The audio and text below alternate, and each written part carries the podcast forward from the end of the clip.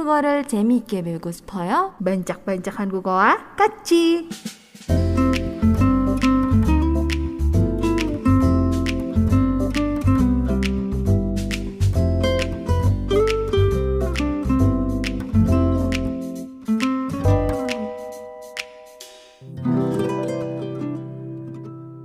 Kakak-kakak, Iya, by the Adek. way, barusan ada masuk notification Apa ke itu? handphonenya aku. Idonghe lagi live Instagram. Oh, kamu follow Idonghe Instagramnya di follow ternyata. Pakai notif juga. Idonghe lagi live loh. Ih, dia mau nemenin aku siaran soalnya. Iya, dia memang kakak yang baik mau menemani saya siaran. Terus aku harus nonton gitu sekarang. Enggak enggak aku aja yang mewakili kamu. Aigo, kacau ini kacau. Aku aku DM dulu lah, Opa jangan sekarang lah live-nya aku lagi siaran ayo nih. cepet belajar, gitu. ayo cepet belajar. Aku nonton dulu. Loh. Wah, tega nih. Oke, nah hari ini eh, yang mau Junsi bahas itu bertepatan dengan eh, event di Korea yang dirayakan di tanggal 5 kemarin ya, 5 Mei. Itu hari apa anak-anak? Hari anak. Karena kemarin tuh banyak banget yang upload, terutama eh, idol-idol Korea, eh, aktor ataupun aktris juga yang upload foto waktu masa kecil mereka. Gemes-gemes. Iya, jadi tahu kan ya waktu dulu kecilnya Iya. gimana, masih sama nggak mukanya dengan sekarang gitu. Hmm, lucu-lucu. Iya, nah itu jadi eh, hari ini temanya adalah tentang Hari Anak ya, T- t- tentunya tentang Hari Anak yang dirayakan di Korea Selatan gitu. Ya pastinya untuk setiap negara itu punya ya Hari Anaknya masing-masing. Contohnya misalnya di Indonesia itu biasanya dirayakan setiap tiga tanggal 23 Juli. Ya, kalau di Indonesia 23 Juli hari anaknya. Sedangkan kalau di Korea Selatan itu dirayakan hari anak setiap 5 Mei. Dan kalau di sana itu disebutnya sebagai orininal. Ya, orininal. Ya di mana orininya sendiri artinya adalah anak gitu. Nalnya artinya hari gitu ya. Orininal artinya hari anak. Nah, untuk Hari Anak di Korea ini sebenarnya pertama kali itu diperkenalkan ya kepada publik itu pada tanggal 1 Mei tahun 1923. Ya, ketika ada 8 orang ya sekitar 8, 8 orang termasuk salah seorang aktivis kemerdekaan dan juga hak anak yang bernama Bang Jong-hwan. Ya, Bang ini bukan abang-abang maksudnya tapi marganya Bang gitu ya. Bang Jong-hwan Aduh kakak, aku nggak komentar kok kakak jadi ngelawak ya. Iya, biar eh, nggak mikirnya ke situ gitu. Biar kan, nggak sepi ya. Iya, jadi si Bang Jonghwan ini dan juga beberapa teman lainnya itu yang mende- mendeklarasikan hari anak tersebut dan juga mengadakan peringatan di hari itu gitu. Tapi itu kan belum resmi ya, baru mereka bikin sendiri gitu loh, baru mendeklarasikan harus ada nih yang namanya hari anak gitu demi anak-anak, demi masa depan negara ini gitu kan. Nah, hari anak itu pada awalnya itu kan tanggal tanggal 1 tadi ya 1 Mei 1923 tadi ya. Jadi awalnya tuh mau dirayakan setiap tanggal 1 Mei. Tapi kan 1 Mei itu akhirnya bertepatan dengan hari buruh ya kan. Di Indonesia juga sama di- Iya, iya. dijadikan hari khusus juga gitu hari buruh itu. Makanya digantilah tanggalnya dipindahkan ke tanggal 5 Mei. Dan secara resmi mulai dirayakan yaitu pada tanggal 5 Mei 1946 gitu ya awalnya dari situ ya hampir sama dengan eh, merdekanya lah gitu ya berapa udah berapa tahun dirayakannya itu hampir sama gitu Berarti sudah cukup lama ya. Ah, sebenarnya. sudah cukup lama gitu. Nah, lalu pada tang pada tahun 1961 Hari Anak ini berada di bawah status hukum Undang-Undang Kesejahteraan Anak dan kemudian ditetapkan sebagai hari libur nasional itu baru pada tahun 1975 gitu. Ya jadi sebelum itu eh, hanya sebagai hari nasional aja tapi belum hari libur jadi belum libur gitu. Masih cuman eh, hari tertentu aja hari spesial gitu lah hari nasional tapi tidak libur. Nah, baru setelah tahun 1975 lah akhirnya ditetapkan sebagai hari libur nasional. Dan menurut undang-undang tersebut, Hari Anak itu ditetapkan agar anak-anak Korea tumbuh menjadi jujur, menjadi anak yang jujur, menyenangkan, bijaksana, berani, dan juga bisa meningkatkan semangat mencintai dan melindungi anak-anak gitu. Ya, nah akhirnya juga eh, di setiap perayaan Hari Anak itu dimanfaatkan oleh para orang tua untuk bisa memiliki waktu berkualitas dengan anak-anaknya ya. Karena ya kita juga tahu lah ya kalau di Korea itu kan hidupnya keras gitu kan. Ya banyak orang-orang tua di Korea yang sudah yang tidak punya waktu banyak gitu untuk anak-anaknya. Bahkan sekedar hanya melihat sebentar gitu aja kayaknya nggak sempat gitu. Karena harus lembur atau kerja juga di akhir pekan gitu kan. Nah akhirnya banyak keluarga yang melakukan upaya ekstra untuk bisa melakukan sesuatu yang istimewa di hari anak. Nah, karena kebetulan juga Hari Anak di Korea itu jatuhnya pada bulan Mei, ya bulan Mei itu kan di sana masih masuk di musim semi ya. Nah, jadi biasanya cuacanya itu bagus untuk bisa beraktivitas di luar karena sudah uh, lebih hangat gitu. Tapi juga belum terlalu panas atau ter belum terlalu lembab.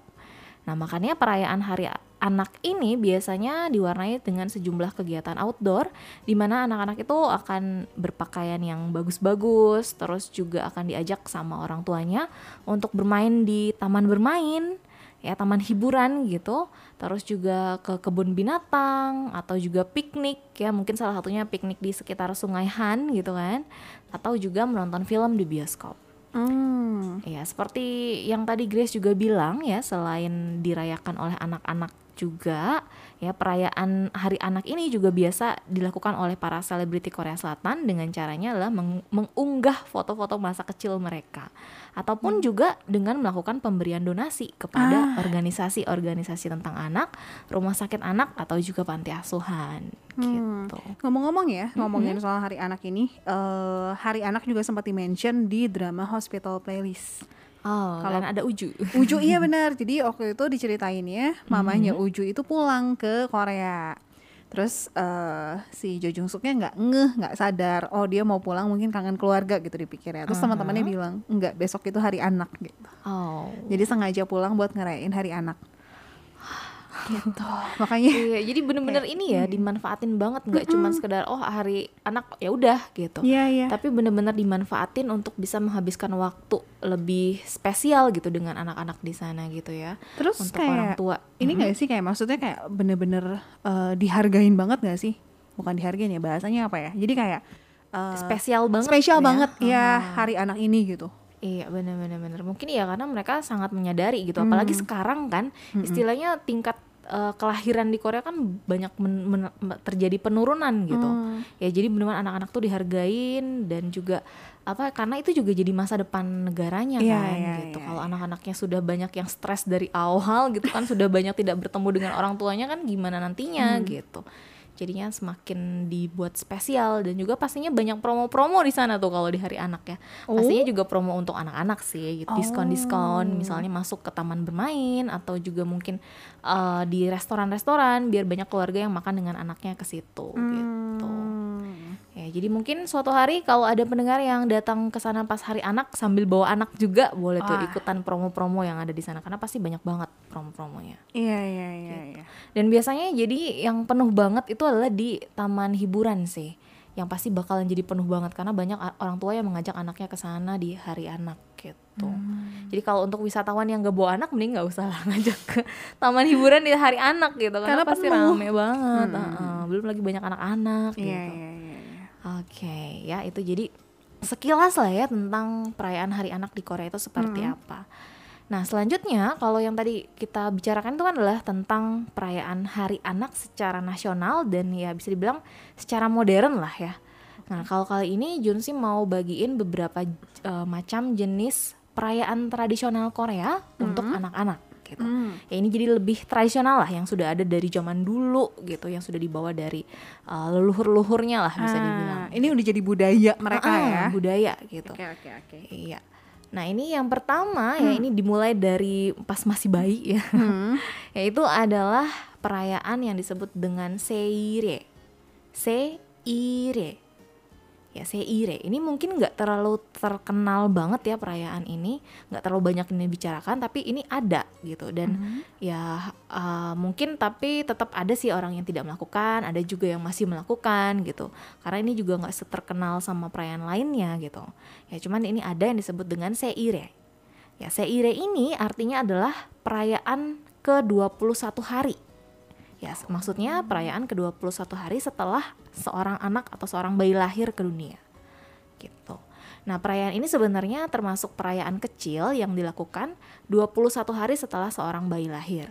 Nah, di hari ini ya di hari ke-21 hari ini si ibunya itu akan diberi makan dengan nasi putih, terus juga ada miokguk atau sup rumput laut dan juga beksolgi. Ya, beksolgi ini semacam kue beras putih gitu. Dan ini melambangkan artinya adalah kesucian ya beksolgi ini.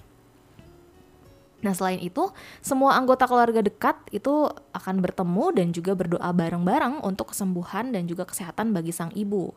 Ya, karena kan uh, pada sampai hari ke-21 pun ya bayi dan juga ibunya belum benar-benar pulih ya setelah lahir yang Hmm. bayinya setelah lahir dan ibunya juga setelah melahirkan masih belum pulih nih di saat itu. Makanya di saat itu sebenarnya kalau menurut tradisi Korea si ibunya dan juga anaknya itu masih belum dibolehkan untuk bertemu dengan orang lain selain keluarga dekat gitu. Oke.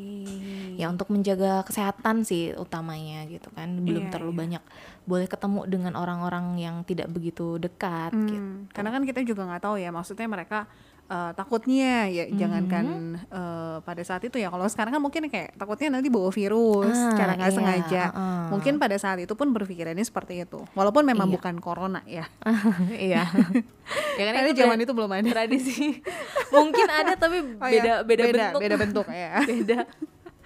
Oke ya, pokoknya mencegah hal-hal yang tidak diinginkan lah untuk si Hmm, ibu iya, dan iya. juga anaknya gitu.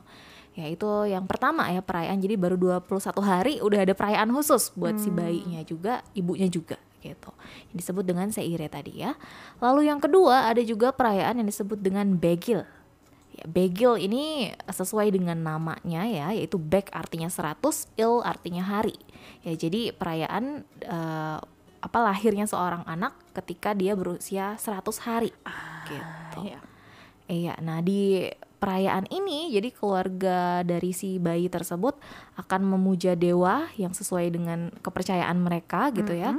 Itu juga eh, dikasih semacam persembahan, terus juga eh, diberikan apa? sambil juga membaca doa gitu sebagai rasa terima kasih dari keluarga karena eh, dewa tersebut sudah menjaga bayi dan juga membantu ibunya melalui periode yang sulit dari mulai ya kalau ibunya kan dari mulai hamil sampai melahirkan sampai bisa anaknya 100 hari gitu itu jadi sebagai lambang terima kasih gitu lah ya kepada dewa tersebut nah terus juga selain mereka berdoa sebagai ungkapan terima kasih mereka juga berdoa untuk memohon jeak ya jeak ini artinya adalah kekayaan dan juga memohon umur panjang dan juga memohon yang namanya cobok ya cobok. Cobok ini adalah kata tradisional Korea untuk me- menyatakan keberuntungan.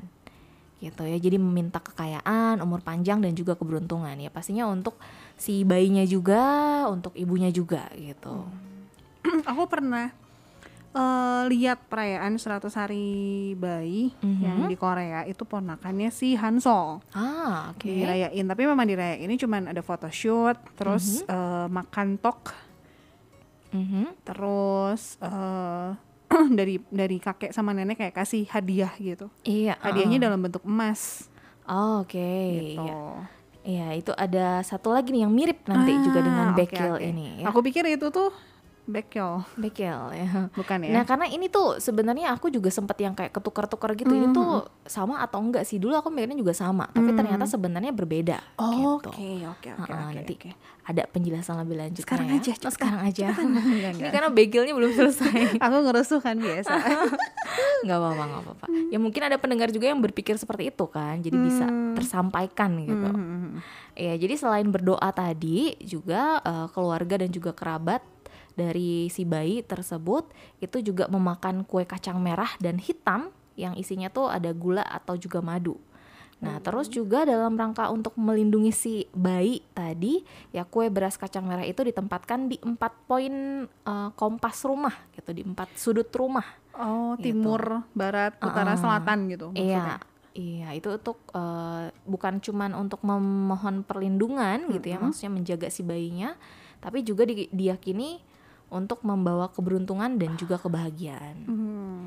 gitu. Dan juga diyakini bahwa jika 100 eh, orang dari keluarga si bayi itu berbagi kue beras atau misalnya keluarga si bayi membagikan kue beras kepada 100 orang, maka si anak itu atau si bayi tersebut akan hidup lebih lama dan juga keluarganya juga akan eh, mengirim kue beras nih. Jadi ya jadinya si keluarganya itu akan mengirimkan kue beras untuk tetangga-tetangga juga kerabat-kerabat mereka yang lain gitu. Hmm. Nah nantinya ya yang sudah menerima kue berasnya itu nanti mereka akan mengembalikan piring Hmm. beserta dengan benang panjang ya yang artinya itu adalah mengekspresikan harapan untuk umur panjang. Terus juga ada beras ya dan juga uang di mana lam- ini merupakan lambang dari kekayaan di masa depan gitu. Jadi lucu harus dibalikin tapi ada isinya gitu. Tapi benangnya benang warna bebas gitu. Hmm, kalau warnanya sih eh, belum eh, kurang ini sih ya, kurang Oh, oke, pasti oke. gitu yang Iya, mana. iya, Cuman iya, yang iya. jelas benang panjang gitu di mana melambangkan harapan untuk eh, mendapatkan umur panjang gitu. Oke, oke, oke. Ya mungkin kalau di kita kan juga suka ada selamatan gitu kan, suka Iya. kesyukuran. seperti Biasanya sih kalau di kita kayaknya hari ke-40 Hmm, seringnya 40 atau satu bulan gitu. Iya.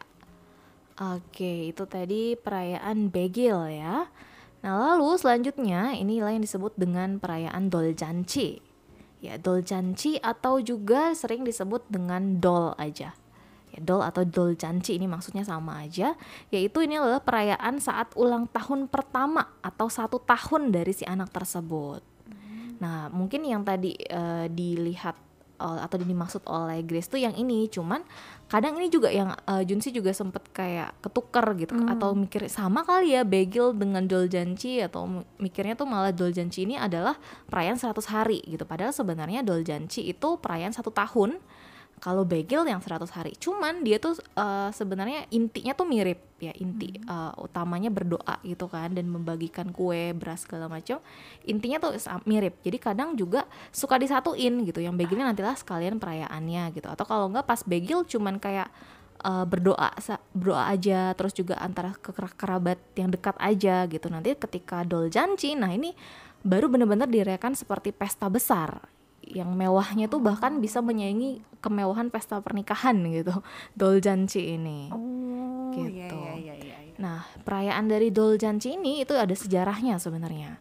Yaitu karena zaman dahulu kan ketika Korea tuh masih sedikit pengetahuan tentang obat-obatan, terus juga nutrisi gitu kan. Banyak banget bayi yang baru lahir itu meninggal karena penyakit pada masa anak-anak atau juga karena perbedaan susu, suhu musiman Korea Hmm. gitu. Ya banyak yang tidak bertahan lama gitu bayi yang baru lahir tersebut. Nah makanya ketika uh, seorang anak itu bisa hidup sampai satu tahun selama periode tersebut itu adalah kesempatan yang sangat bagus mengembirakan dan akhirnya dilakukanlah perayaan Doljanchi ini. Gitu. Nah di perayaan Doljanchi ini ada beberapa bagian penting ya dalam perayaan ini. Yang pertama sama dengan Begil tadi, yaitu proses berdoa dan juga mengucapkan syukur kepada dewa yang sesuai dengan kepercayaan di sana. Terus juga sambil ada persembahannya juga ya meja persembahan gitu. Terus juga ada eh, di apa disediakan berbagai macam kue beras, yaitu juga sebagai persembahan. Terus juga yang bagian keduanya ya tadi selain uh, melakukan doa dan juga ucapan syukur ada meja persembahan juga. Nah selain itu si bayinya tadi itu juga didandanin nih dengan hiasan pakaian yang sangat berwarna-warni. Nah ini disebutnya dengan dolbok. Dolbok ya kalau uh, baju tradisional Korea kan hanbok. Nah tapi hanbok yang khusus untuk acara doljanchi itu disebutnya dolbok gitu Beda ya. beda dolbok gitu. Nah do- dan dolbok ini yang dipakai sama anak perempuan dan juga yang dipakai sama anak laki-laki itu uh, punya warna dan corak yang berbeda. Gitu ya. Jadi beda nggak nggak sama, nggak harus sembarangan beli gitu ya. Ada corak khusus atau warna khusus gitu untuk anak laki-laki dan anak perempuan yang akan mengadakan doljanchi. Gitu. Ya, nah selain ada dolbok, uh, mereka juga dikasih hiasan lain yaitu disebut dengan dolti. Ya, baik laki-laki ataupun perempuan itu akan dipakaikan dolti yang panjang. Nah, dolti ini adalah eh, semacam ikat pinggang yang membungkus sekeliling tubuh anak tersebut sebanyak dua kali.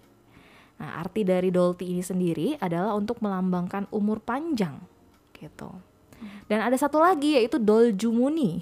Semuanya depannya dol. Dol ya karena Iya, acara dol acaranya. ini kan. Heeh, dol jumuni. Nah, kalau dol jumuni adalah berupa kantong gitu. Hmm. Yang merupakan lambang dari keberuntungan. Nah, kantong dol, dol jumuni ini itu terbuat dari sutra halus dengan benang untuk membuka dan menutupnya. Nah, tapi itu baru bagian awalnya kan. Hmm. doa dan juga pakaian khusus tuh baru awalnya. Nah, yang utama dari acara Doljanci ini yang paling tunggu-tunggu adalah uh, bentuk atau bagian yang ketiga ini, yaitu adalah Doljabi. Ya, Doljabi ini itu di, di, diibaratkan sebagai proses untuk uh, meramal masa depan si bayi. Hmm. Ya, jadi di depan bayi tersebut nantinya akan diletakkan meja berisi macam-macam barang ya, misalnya ada benang, pensil, buku, uang, atau juga mungkin zaman sekarang mikrofon gitu kan. Nah nantinya kalau udah diatur mejanya, nanti si orang tuanya akan menyuruh bayinya untuk mengambil salah satu barang tersebut. Iya, gitu. iya. Nah nanti barang yang diambil itu punya artinya sendiri. gitu. Hmm, Misalnya kalau si anaknya ngambil benang, itu artinya dia akan umur panjang gitu. Hmm. Kalau pensil atau buku itu artinya dia pinter atau juga Hmm. rajin belajar gitu. Terus kalau uang dia akan jadi kaya gitu. Tapi kalau diambilnya mikrofon dia jadi kepercayaannya itu ya anaknya akan jadi penyanyi. Ah iya iya di Indonesia kayaknya ada deh kayak gitu juga. Ada juga ya Ah, mungkin. jadi Aha. ya tapi bukan bukan yang wajib dilakukan jadi cuman Hmm. sebagai budaya aja gitu. Iya, karena mungkin ya ada terpengaruh budaya-budaya yang masuk Hmm. juga kan, gitu. Hmm. Ada yang mengikuti, gitu. Ada yang tidak, seperti itu. Itu doljanci untuk untuk yang uh, satu tahun ya tadi sudah satu tahun. Nah selanjutnya yang terakhir ini ketika masih dari peralihan dari yang tadi bayi terus ke anak-anak, nah sekarang sudah anak-anak remaja mau menjadi dewasa itu juga ada perayaan khusus yang disebut dengan Songnyeonenal ya Songnyeonenal di mana Songnyeonnya sendiri artinya dewasa gitu. Ya nalnya tadi artinya hari ya. Jadi Songnyeonenal adalah hari kedewasaan atau upacara menjadi dewasa gitu. Ya ritual atau perayaan ini juga sama seperti Seiria tadi ya. Jadi nggak terlalu terkenal dibandingkan perayaan yang lain. Nah, tapi dalam perayaan ini itu jadi eh, dirayakannya ketika seorang laki-laki atau perempuan Korea itu sudah mencapai usia 20 tahun. Ya, perayaan ini biasanya digelar setiap hari Senin pada minggu ketiga di bulan Mei. Ya, pas banget di bulan ini. Tinggal lihat nih, hari Senin minggu ketiga tuh yang mana. Itu biasanya diadakan perayaan atau ritual dari Songnyeonena atau eh, perayaan ha- upacara hari kedewasaan lah bisa dibilang. Gitu. Nah, biasanya ketika perayaan ini berlangsung, jadi eh, para remaja yang akan berjadi, menjadi dewasa itu akan berkumpul di suatu tempat dengan menggunakan pakaian tradisional yaitu hanbok untuk mengikuti upacara ini. Nah, di perayaan ini, jadi para remaja itu akan melakukan ritual yang meliputi penggantian tatanan rambut ya. Jadi ganti gaya rambutnya tuh ganti. Misalnya yang anak laki-laki itu akan mengikat rambutnya dan eh, menjadi simpul ke atas lalu diberi gat. Ya gat itu sebutan untuk topi silinder tradisional Korea yang terbuat dari bulu kuda gitu ya. Untuk laki-laki yang panjang ke atas itu itu namanya gat ya sedangkan anak perempuan itu akan menggulung rambut yang dikepang. Ya kalau zaman dulu kan eh, para remaja anak-anak itu kan untuk yang perempuan rambutnya dikepang ya. Hmm. Nah, nanti kalau sudah dewasa itu rambutnya ganti tatanannya. Jadi harus dibikin menjadi semacam sanggul. Terus juga Oh. dipakein binyo. Binyo ini adalah sebutan untuk jepit rambut tradisional Hmm. gitu. Itu artinya mereka sudah dewasa gitu ya. Dan juga pakaiannya juga berbeda ya. Ada dilakukan upacara penggantian pakaian tradisional juga untuk tanda mereka menuju kedewasaan gitu. Nah, jadi untuk perayaan ini ya, ya semua perayaan tadi itu sebenarnya juga udah ada sejak zaman dulu gitu. Cuman kalau untuk yang Songnyeonenal ini ya, jadi ini tuh ada terjadi perubahan gitu tradisinya dari zaman dulu sampai ke zaman sekarang. Terutama misalnya untuk yang anak laki-laki ya, kalau di zaman dulu untuk melay- merayakan eh, ritual Songnyeonenal itu jadi mereka tuh harus mengangkat sebuah batu berat untuk menguji kekuatan mereka. Ya, kalau misalnya mereka bisa ngangkat dan memindahkan batu itu, barulah mereka dianggap sebagai pria dewasa gitu. Hmm. Ya, itu salah satu perbedaan kalau sekarang nggak dilakukan lagi sih gitu. Hmm. Terus juga kalau dulu mungkin cuma bisa dilakukan oleh para bangsawan aja gitu. Ya, tapi kalau sekarang ya terutama semenjak tahun 1950-an, tradisi ini sudah merambah ke sejumlah kota dan desa dan juga para remaja yang tidak berasal dari kalangan bangsawan pun juga bisa ikut serta dalam mengikuti upacara hari kedewasaan ini. Ya, terutama di tahun 99 ini didukung banget sama Kementerian Kebudayaan Olahraga dan Pariwisata di Korea Selatan ya. Tradisi ini tetap dilestarikan karena bisa meningkatkan rasa bangga dan juga hormat untuk selalu merawat warisan budaya tradisional Korea. Selain itu, tradisi ini juga digelar untuk memberikan pemahaman kepada para remaja yang sudah berusia 20 tahun tentang tanggung jawab sebagai orang dewasa gitu. Jadi ada maknanya juga biar tahu nggak cuma sekedar nambah umur aja gitu, tapi ada tanggung jawab lebih kalau kamu sudah mencapai 20 tahun gitu. Dan yang menariknya ya, kalau kita misalnya datang ke sana nih sebagai wisatawan asing, terus kita datang ke sana, kita melihat uh, mau diadakan perayaan ini, kita juga bisa ikutan loh perayaan ini. Jadi nggak cuma khusus untuk orang Korea aja, tapi wisatawan asing yang datang pun bisa. Tapi ya kita harus pas juga kita mera- mau merayakan uh, apa hari kedewasaan itu ya gitu kita sudah mencapai usia 20 tahun gitu. Jadi kalau sudah lebih ya ya aneh kan kalau baru dirayakan sekarang gitu. Hmm. Misalnya usianya udah 40 gitu kan baru dirayakan sekarang kan nggak bisa gitu. Iya, iya, iya. Oke, ya jadi itu tuh perayaan-perayaan eh, yang dilakukan kepada anak-anak di Korea ya secara tradisional dari yang mulai baru lahir tadi ya baru 21 hari sampai yang dia sudah beranjak dewasa gitu.